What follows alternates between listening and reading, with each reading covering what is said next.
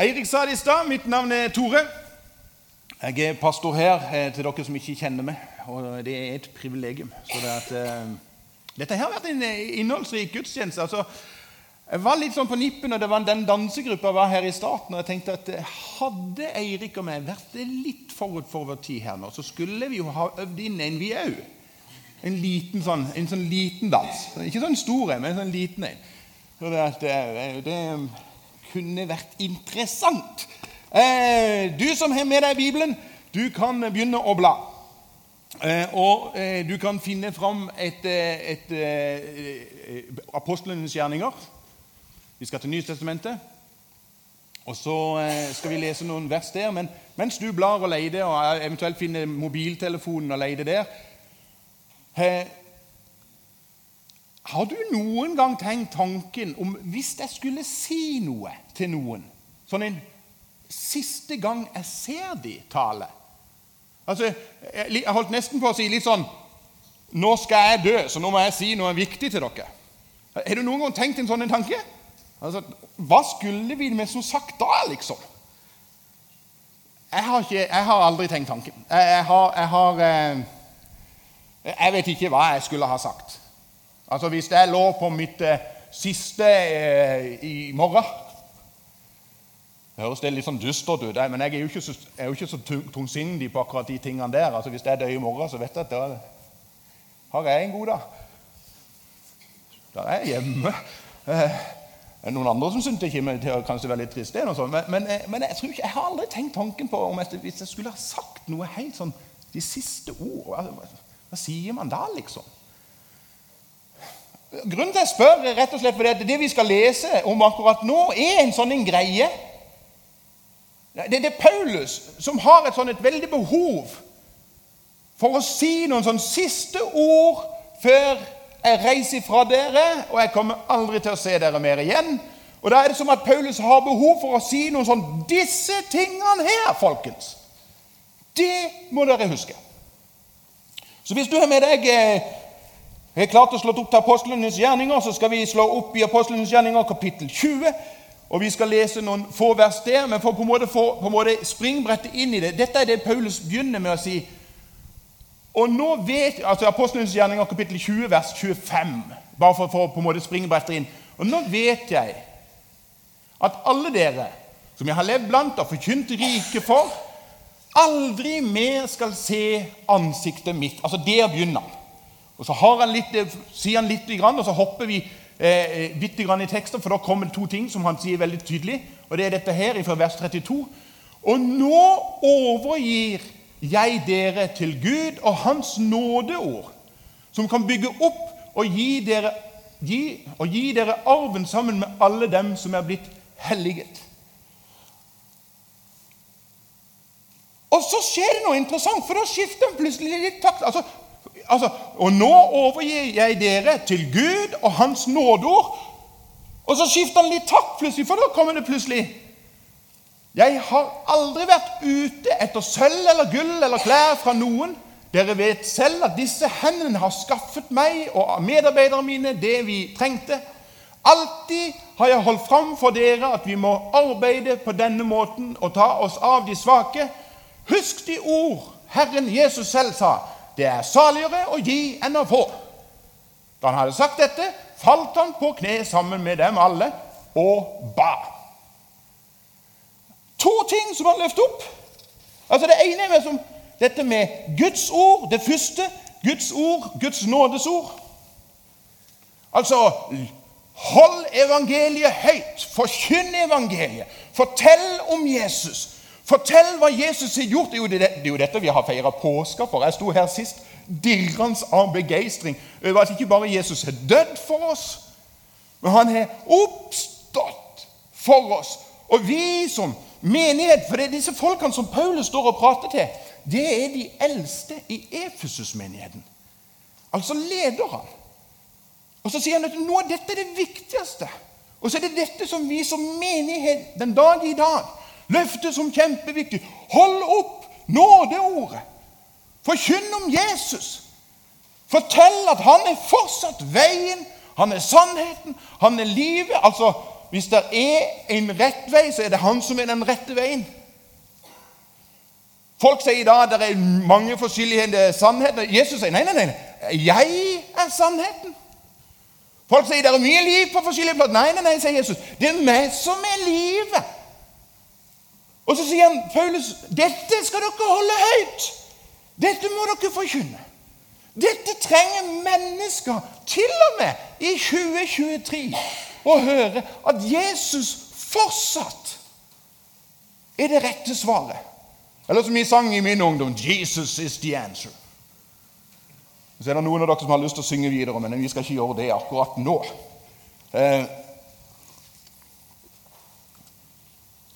Det er liksom som at Paulus med sånn Dette må dere få med dere. Nå kommer dere aldri mer til å se meg igjen. Så husk å løfte nådeord opp. Og så tenker en ja, det er kanskje nokså naturlig. Men det neste han sier det er litt sånn Paulus, hvorfor, altså, hvorfor nevner du det?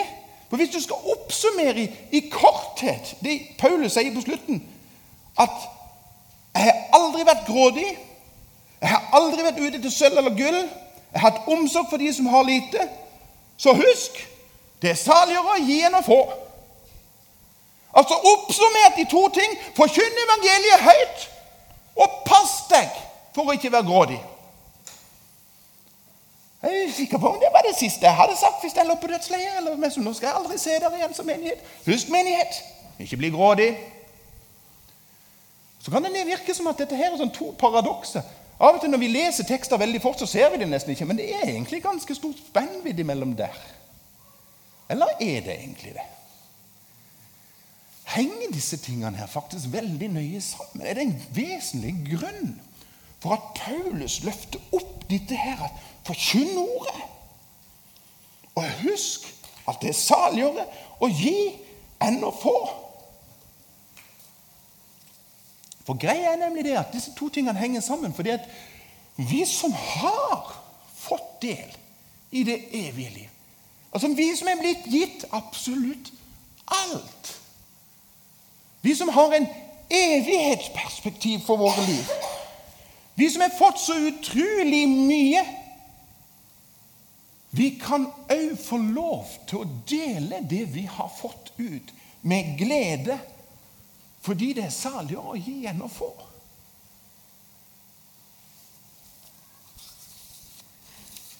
Jeg vet ikke om du noen gang har tenkt på det. Jeg har tenkt å gå helt sånn i klinsjen på dette med å gi. Jeg vet ikke om du noen gang har tenkt på det, Men hva er det med oss folk og penger? Og så er det så gøy når jeg sier ordet 'penger' ut i en forsamling, for da blir det alltid litt sånn Ok, er vi der, liksom? Men hva er det med oss og penger? Altså, I denne verdenssamfunnet vi lever i i dag, så, så er det eh, en god del som har aldeles mye penger. Helt hensides mye. Og så er det veldig, veldig mange som har sånn helt greit. Det er ikke vet om ekstremt mye, det er heller ikke ekstremt lite. Men så er det òg de som har kjempelite.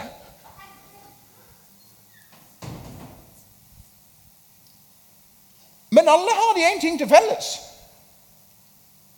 Vi kunne godt hatt litt mer. Er du enig? Jeg har ennå ikke truffet noen som sier ah, nei, jeg har, jeg har, nok, jeg trenger ikke mer. Har, det, det, går så greit. Det går helt fint. Altså, Folk flytter jo til Sveits av en grunn. Hæ? Litt til. Jeg har litt til. Jeg har mye, men jeg kan godt ha litt til. Litt. Ikke så mye mer, men litt til. Kanskje det er en grunn for at det er derfor Bibelen faktisk mer enn 3000 ganger snakker om å forvalte vår økonomi. Bare sånn En liten parentes der det, det står ca. 30 ganger i Bibelen om å bli frelst. Og hvorfor? Det, frelst, det blir du, og da skapes det en forvandling. Men Guds ord har behov for å forme oss. Eller Bibelen kaller det for helliggjørelse. Altså, han former oss og danner oss. Så 3000 ganger har han behov for å ripe opp i noe som vi alle kjenner på at Vi liker ikke å prate om det. Ikke snakk om penger. Ikke, altså, la være akkurat til det. Derfor, de som kjenner meg, som kjenner meg litt godt, vet at eh, at Gud har på en spesiell måte lagt dette med penger og det å snakke om penger i kristen setting nokså tungt på mitt hjerte. Jeg toner det veldig ned som pastor. Det kan jeg si. Det er ikke ofte at jeg står her og snakker om penger. Det er ganske mange av dere som tenker jo, det gjør du riktig, Tore. Det er ganske ofte jeg har hørt deg snakke om penger. Ja, Sist jeg gjorde det Oi, Oi det var like før jeg datt ned fra talerstolen. Blir litt engasjert. Sist jeg snakket om penger Borghild, det var ikke så gøy. Det, det holdt bare på Jeg ser at Borghild holder på å fnise seg halvt i hjel. Altså, det er jo nesten sånn ja. eh, Sist jeg sto her og snakket om penger, var tilbake i 2019. Jeg har aldri stått, eh, altså, men i andre sammenhenger der er jeg veldig frimodig. Når jeg er i tomannssamtale med folk rundt forbi i Norge, så løfter jeg opp dette med penger. Hvis jeg er sammen med en del andre kristne ledere, så løfter jeg opp dette med penger. De som var på, sammen med meg på generalforsamlinga nede i Kristiansand, når Misjonskirka hadde generalforsamling der nede, så plutselig en pastor som til slutt ikke klarte å holde munn, for de snakket om økonomi og giveropplegg, og da fyrte jeg opp i alle bøtter og spann og holdt en flammende kollekttale. Og folk applauderte og syntes det var så bra. Og de kom bort etterpå. 'Å, så nydelig det du forteller!' Og det, 'Å, det må vi snakke mer om.' Og så så jeg strengt på de alle sammen, og så sa jeg Gå hjem og gjør det. Ikke bare applaudere det. Gå hjem og begynn å gi. Og Da ble de litt mer sånn Ja, det var ikke så gøy å høre han pastoren der, liksom. det. Men Gud har lagt dette ganske tungt på meg. Eh, for det at eh, Når jeg ser på Kristen-Norge og hva som skjer der så syns jeg av og til det er litt skremmende når jeg hører flere og flere pastorkolleger som sier vi har ikke råd til å ha ungdomspastor eller barnepastor eller ungdomsarbeider. Eh, vi har ungdommer her, men vi har ikke midler til å betjene dem. Når jeg hører om folk som har en kall til å reise ut i et eller annet misjonsland, som Eirik var inne på, og så sier de Men det er ikke midler til å sende oss. Når jeg hører menigheter som sier vi må på en måte skrenke ned virksomheten vår, for det er ikke økonomi til dette lenger, og så er lista bare kjempelang Og så er det bare det at denne menigheten her, Porsgrunn misjonskirke, er kanskje den menigheten som gir meg størst frimodighet til å snakke høyt om dette. For denne menigheten her, folkens, er forbilledlig i sin giverglede. Vet du, Når det står dette Enhver skal gi det han har bestemt seg for i sitt hjerte. Ikke av ulyst eller tvang, for Gud elsker en glad giver. Altså, Bare for å forklare hvor begeistra denne menigheten her og hvor glad giver er. Vi hadde årsmøte her i februar. Budsjettet blir lagt fram, og så Og så presterer de midt i opplegget der og sier du forresten, det kommer en liten greie rett ved årsmøtet her. Eh, vi har en utgiftspost på Pluss altså, vi må ha inn 100 000 ekstra, for vi må skifte varmepumpene. Normalt sett i en menighet så ville det ofte blitt sånn Å, kjære krise, krise. Her så er det bare sånn Ja, men det går greit. Altså, Jeg husker når vi kom hjem, Sissel og meg, så var jeg sånn Jeg har aldri noen gang sett maken til menighet som har hjertet så til de grader på rett plass i forhold til akkurat dette her. Altså, dere, sier Jesus, dere skal ikke samle skatter på jorden hvor møll eller mark ødelegger, og hvor tyver og bryter inn og stjeler, men dere skal samle deres skatter i himmelen, der verken møll eller mark ødelegger, og tyver ikke bryter inn og stjeler. For det er skatten din er! Hvor er skatten din henne? Hvor skatten din er, vil også hjertet ditt være. Hva er det som gir deg veldig sånn enkelt altså Det kan jeg bare gå og kjøpe veldig enkelt. Altså Jeg har en sånn greie. Og Sissel sier det ofte, kona mi. 'Har du kjøpt det nå igjen?' Og det er bøker. Jeg har til og med bøker hjemme som jeg ennå ikke har begynt å lese på. Og da pleier jeg ofte å si de ligger til modning. For for meg så er det liksom, jeg kan, jeg kan alltid ha mer av det. Altså, hvor, hvor er skatten din henne? Hva er det hos deg som på en måte bare popper opp? og Det har jeg lyst til å bidra med. Her i denne menigheten her så er det utrolig mange mennesker som har hjertet på rett plass, som er glade givere. Som gir fordi de har erfart at de er gjennomelska av Jesus. Det er jo det som skaper denne givergleden, fordi at en kjenner at en sjøl er blitt så elska. At man har fått så utrolig mye. Og for meg som pastor så jeg har bare lyst til å si tusen takk for den inspirasjonskilden dere er. Senest nå i påska så sto jeg og vitna om givergleden til denne menigheten her for en del folk. Og som Eirik var inne på, i tillegg så sender vi ut så mye vi klarer til andre settinger. Mange her inne er et eksempel på det som står her. Det er mulig å gi uten å elske. Men det er umulig å elske uten å gi. Hørte du den? Det er mulig å gi uten å elske. Men det er umulig å elske uten å gi. Det er helt umulig. Altså, Det er utrolig godt sagt. Og det er jo akkurat dette Jesus så til de grader viste oss i påska. Han elska oss så høyt at han ga alt.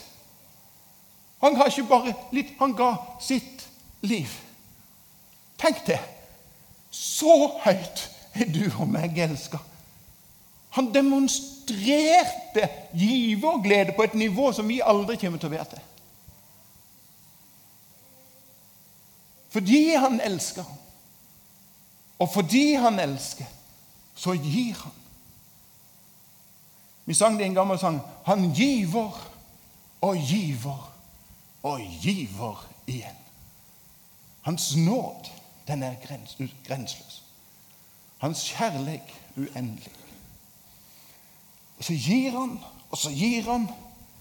Og det er derfor det er så mange i denne menigheten her som har opplevd at de er elska, som gjør at de gir. Eller som vi sier i Johannes første brev 4,19.: Vi elsker fordi Han elsker oss først. Tenk det. Vi elsker fordi Han først elsker oss. Så jeg har lyst til å si tusen takk til alle dere som gir. Dere som gir litt av og til. Dere som gir fast over bank. Og dere som har sett det samme som Sissel og meg. At Bibelen har gitt dere et fantastisk prinsipp som kalles for tienden. At vi kan gi 10% av alt det vi får, inn tilbake igjen til menigheten. Og Det skulle jeg gjerne hatt en lang undervisning om, men det har jeg ikke tid til. Men hvis du vil ha noen om, om det, så kan du komme til meg etterpå. Eh. Og Det som er så fantastisk med denne tienden, er jo at han likestiller oss alle, alle sammen. Plutselig blir vi likestilt. Da er det meg og Jørgen Hattemager og kong Salomo. Vi har like mye å komme med. Alt blir likestilt. Hadde flere sett gleden av å gi, og hvor mye Bibelen løfter opp forvaltning av penger, så tror jeg mye hadde sett ganske annerledes ut i Kristen-Norge. Jeg har tenkt en tanke, og av og til så håper jeg virkelig at det jeg sier nå, er feil. Men kanskje resultatet av mye av det vi ser i Kristen-Norge i dag, er noe Jesus forteller om når han forklarer lignelsen om såmannen. Denne såmannen som gikk ut for å så. Og så stender det i Matteus 13, 22. Det som blir sådd blant tårnebusker, det er det som hører, den som hører ordet men livets bekymringer og rikdommens bedrag kveler ordet, så det ikke bærer frukt. Vi sitter i verdens rikeste land, og vi møter mennesker som er bekymra. Og vi møter mennesker som begynner å se at pengene gjør meg ikke mer lykkelig. Pengene er ikke hva jeg trodde de var. De bedrar meg.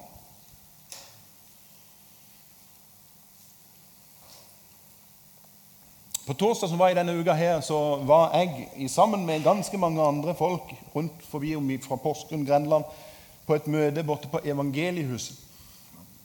Der eh, fikk vi gjennom tone og ord presentert noe av hvordan dette landet her fikk Gudsordet. Og hvordan Gudsordet, Eller som vi synger i en sang Gud signe Nei, hvordan synger vi når vi holder tunga rett i munnen her? Gud sendte sitt ord til Noregs land, og ljos over landet strømde. Det møtet der tipper vi var kanskje 150 mennesker.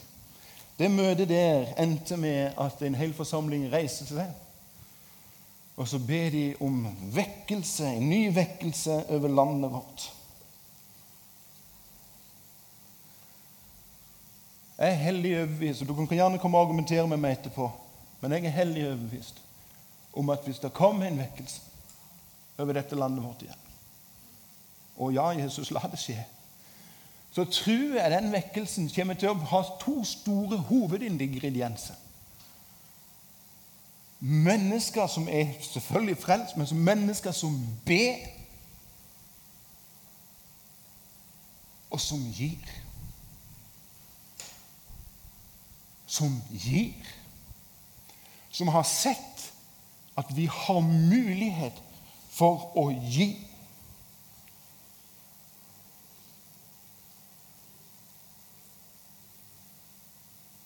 Og som gir til menighet. Her ligger, altså jeg må bare ta det med, Der ligger en skjult skatt i forhold til dette med tienden til menigheten. For, for, hva, det, for, for hva det vi leste i stad altså, eh, altså Vi investerer i noe som har evig verdi. Der smøll og ting, andre ting, rust og ting ikke tærer. Hva er det som er evig? Jo, det er menigheten, Kristi brud, som han en dag skal hente. Det har han sagt, at det skal vare evig. Der investerer vi. Og Når jeg sier at det, jeg tror vekkelsen kan komme ut fra den settinga der, og i forhold til dette med tienden Summen av den tienden-settinga er så ekstremt høy i forhold til hvor vi er i dag. Jeg tok et raskt regnestykke i natt, for jeg våkna på natta. Jeg skal ikke si hvorfor. Men jeg våkna iallfall, tok fram kalkulatoren og regnet kjempefort. Og For å være sikker på at ikke tallet ble feil, så delte jeg det på to for å redusere det. Og jeg fant ut bare i Misjonskirka Norge at hvis alle hadde gitt tienden til menighetene sine, de misjonskirkene rundt om i Norge, så hadde summen av det. På toppen av det som allerede gis i dag, summen av det, bare i Misjonskirka Norge, vært over 100 millioner. Tenk hvilken forskjell vi kunne bety for våre nabolag. Altså, for denne menigheten her så kunne vi gått opp til POS og så sagt at dere gjør en fantastisk innsats. Her har dere 100 000, vær så god. Vi hadde fortsatt hatt masse penger å kunne gi videre. Vi kunne gått til Vestsida skole og sagt trenger dere noe mer utstyr. Vi har penger, vi kan gi til dere. Vi kunne ha investert i, det, i et fantastisk altså Vi kunne ha sendt alle ungdommer som ønska på lei de neste ti årene, gratis. Jeg sagt vær så god, det er bare å reise. Hvor er din skatt? Hvor investerer du? Hvor satser du pengene hen? For å forklare hvor djupt dette med giverglede sitter i meg, så hadde Sissel og meg, kona mi og meg en lang prat i går. rett og slett fordi at jeg, det jeg skal gjøre nå, er egentlig å være veldig personlig. Og som jeg har vært litt sånn Er det innafor å si disse tingene her?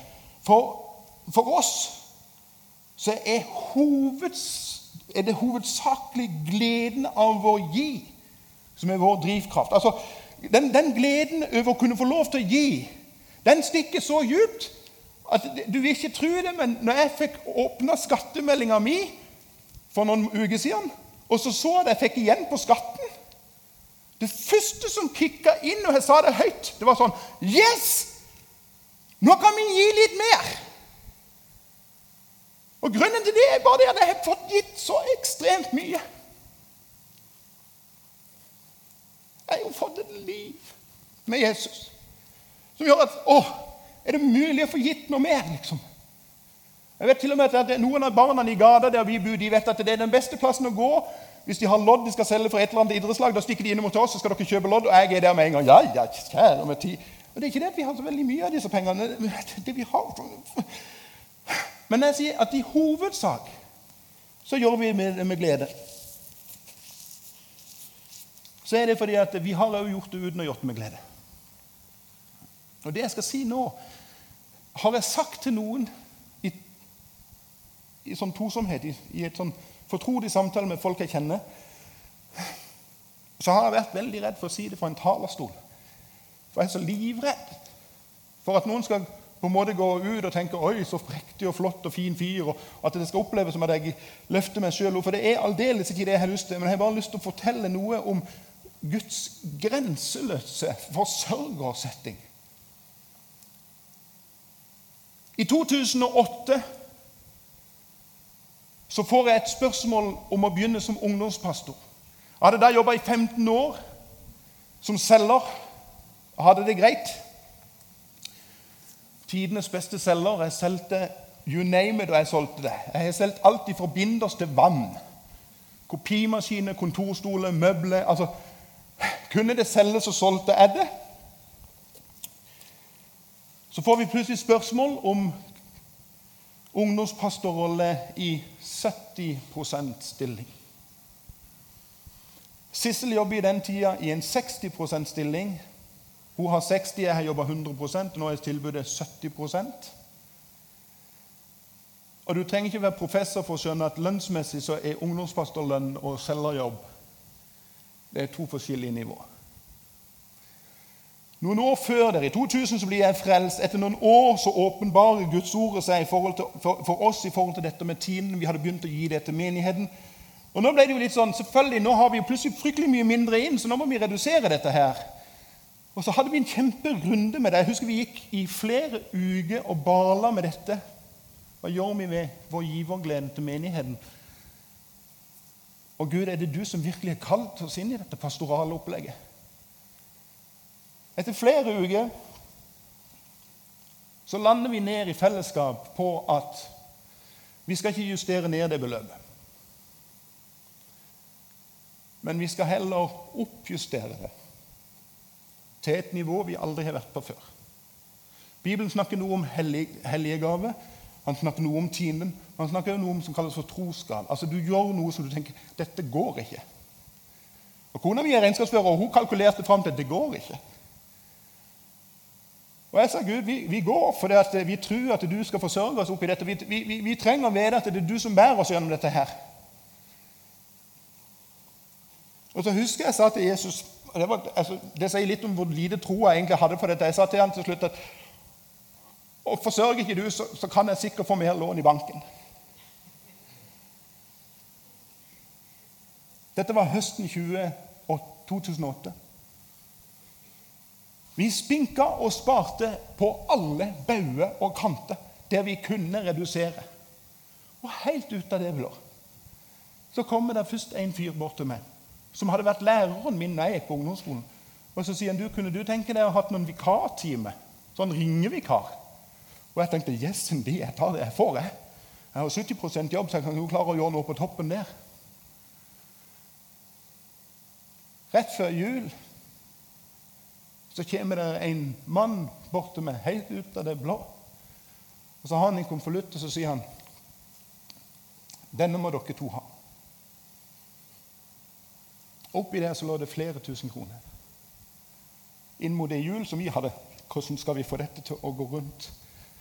I løpet av det året fram til høsten 2009 så opplever vi at Gud forsørger. Kona får plutselig tilbud om 20% mer jobb. Høsten 20, 2009 får jeg tilbud om 50% i Misjonskirka Ung i tillegg til de 70 jeg hadde. Og gjennom Misjonskirka Ung så møter jeg denne menigheten her for første gang og får en relasjon. Og så ser vi jo at Gud forsørger. Han har omsorg for sine. Og Hvis jeg skulle oppsummert det i et bibelvers, så tror jeg det må være dette her. Gi, så skal dere få. Og hva er det vi skal få? Et godt mål, sammenrista, stappa, brevfullt, skal dere få i fanget. For det målet dere selv måler opp med, skal dere også måles opp til dere. Vi hadde ikke mer enn det vi måtte ha, men vi hadde det vi trengte. Hele tida.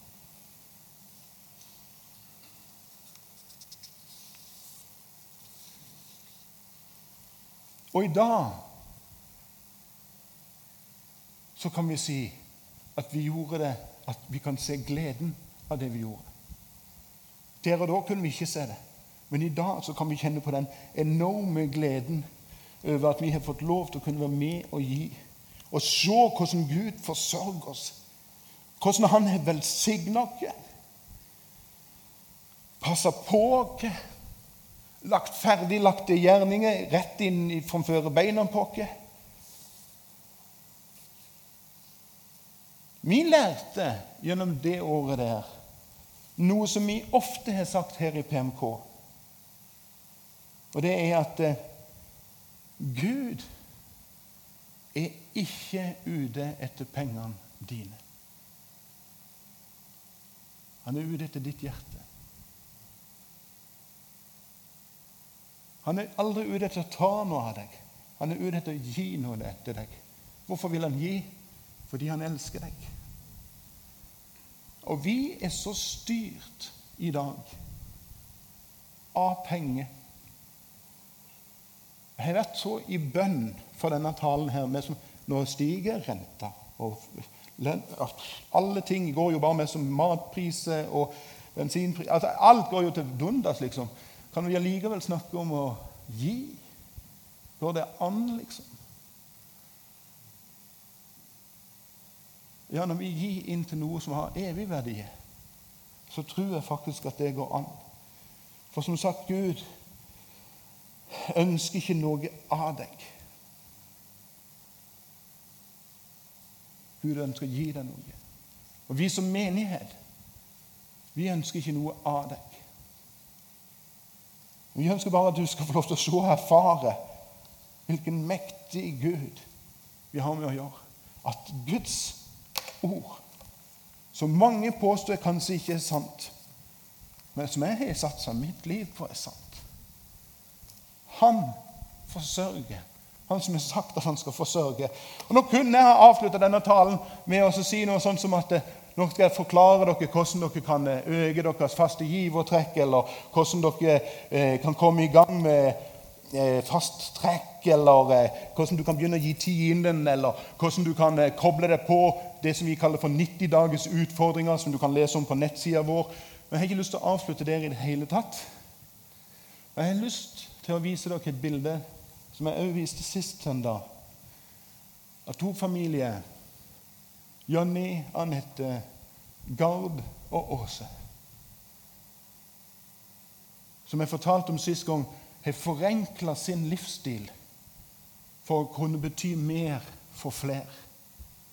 Disse to ekteparene som hadde hvert sitt hus, som ser at hvis, hvis, hvis, hvis vi selger disse husene, så kan vi kjøpe en litt enklere eh, eh generasjonsbolig da kan vi bo billigere, så vi har mer midler til å kunne bry oss om folk.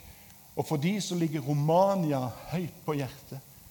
Jonny og Gard reiser ned og hjelper til å bygge opp boliger for folk som ikke har noen ting. Og nå i påska, som jeg sa sist søndag, nå i påska så får jeg en beskjed som er for meg sånn åh, Det er mulig. For nå har de funnet ut at eh, nå reiser vi like så godt til Romania. Vi tar med oss våre barn for å kunne bety noe for flere. Forenkle sin livsstil for å kunne nå lenger ut med evangeliet. Og så vet de at det er en hel haug med ting som ikke er sikkert i det hele tatt. Masse de ikke vet ennå, men de har skjønt én ting. Det er saligere å gi enn å få. Og jeg tror vi alle, meg sjøl inkludert, har noe å lære av om hvordan kan vi forenkle vår livsstil, sånn at vi kan nå ut til enda flere. Skal vi be. Jesus, takker deg for det at eh, du er her. Takker deg for det at eh, det er du som har gitt oss alt det vi har. Det er ingenting vi har uten at det er du som har gitt det til oss.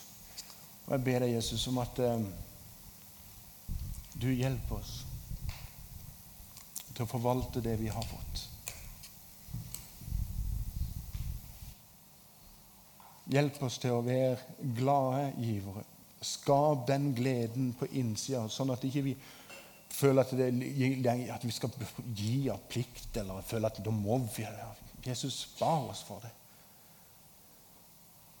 Men skap gleden på innsida, Jesus. Den gleden som bare du kan fylle oss med.